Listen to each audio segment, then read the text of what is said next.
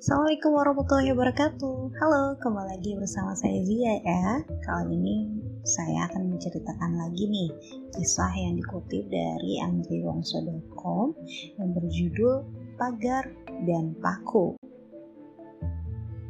Dikisahkan ada seorang saudagar yang masih muda usianya, berwajah tampan, dan hidup bergelimangan harta kekayaan.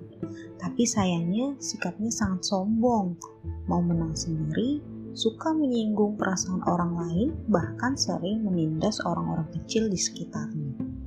Karena tabiat buruk tersebut, ia pun mulai dijauhi oleh orang-orang di sekitarnya merasa dirinya makin tersingkir, pikirannya galau dan hatinya dipenuhi amarah yang mendalam.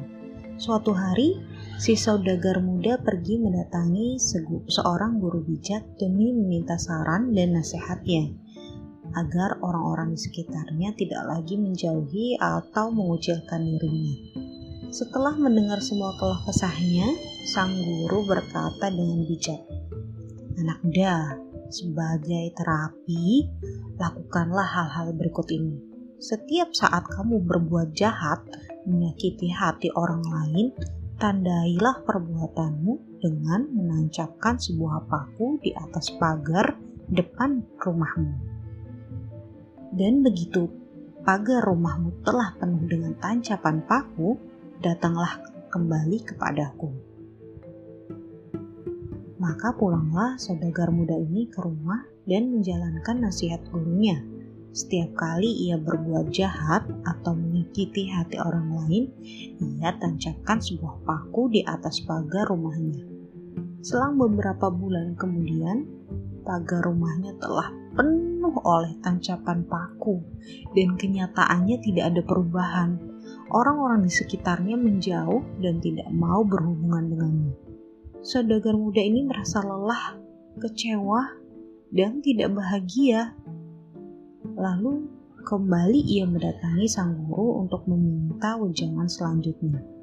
Sang guru yang sudah menduga kedatangannya berkata, Anak muda, dari raut wajahmu bapak tahu, tentu pagar rumahmu sudah dipenuhi paku. Benar?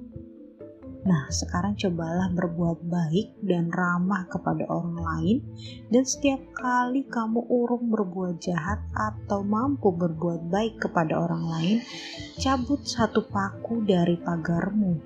Dan bila paku-paku yang di pagarmu itu sudah habis kau cabuti, datanglah kembali ke sini.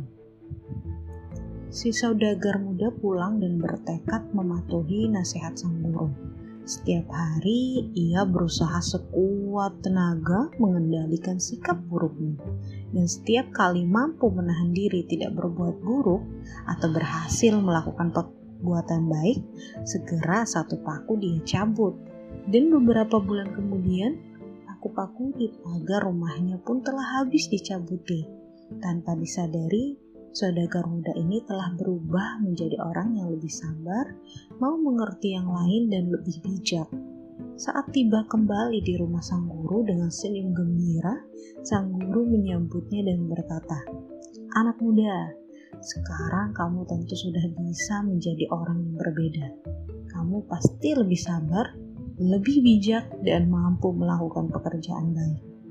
Nah, pelajaran apa yang bisa dipetik dari semuanya ini? Lihatlah pagarmu. Di sana ada bekas tancapan paku, bukan? Mau ditutupi atau dipoles seperti apa pun, tetap saja pagar rumahmu tidak bisa mulus seperti sedia kala. Sama seperti itulah luka yang pernah kau timbulkan pada orang lain. Walaupun kamu berusaha untuk meminta maaf dan memperbaikinya, tetapi ada bekas luka di hati mereka manusia tidak luput dari berbuat salah, entah disengaja ataupun tidak disengaja. Saat kita menyadari secara konsekuen, kita sepantasnya meminta maaf dan berjanji untuk tidak mengulanginya lagi. Sebaliknya, tidak semua orang mau memaafkan, apalagi jika kesalahan atau perlakuan buruk itu sungguh-sungguh melukai hati, menjatuhkan harga diri, dan menimbulkan penderitaan batin yang berkepanjangan. Memang, sering kali perbuatan buruk menimbulkan dendam yang sulit dihilangkan hanya dengan permintaan maaf.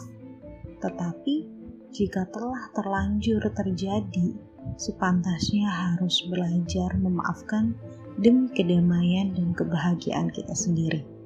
Seperti pepatah bijak yang mengatakan, punya satu musuh kebanyakan, punya seribu teman kekurangan Mari kita jaga ucapan, hati, dan pikiran, juga sikap dan perilaku kita.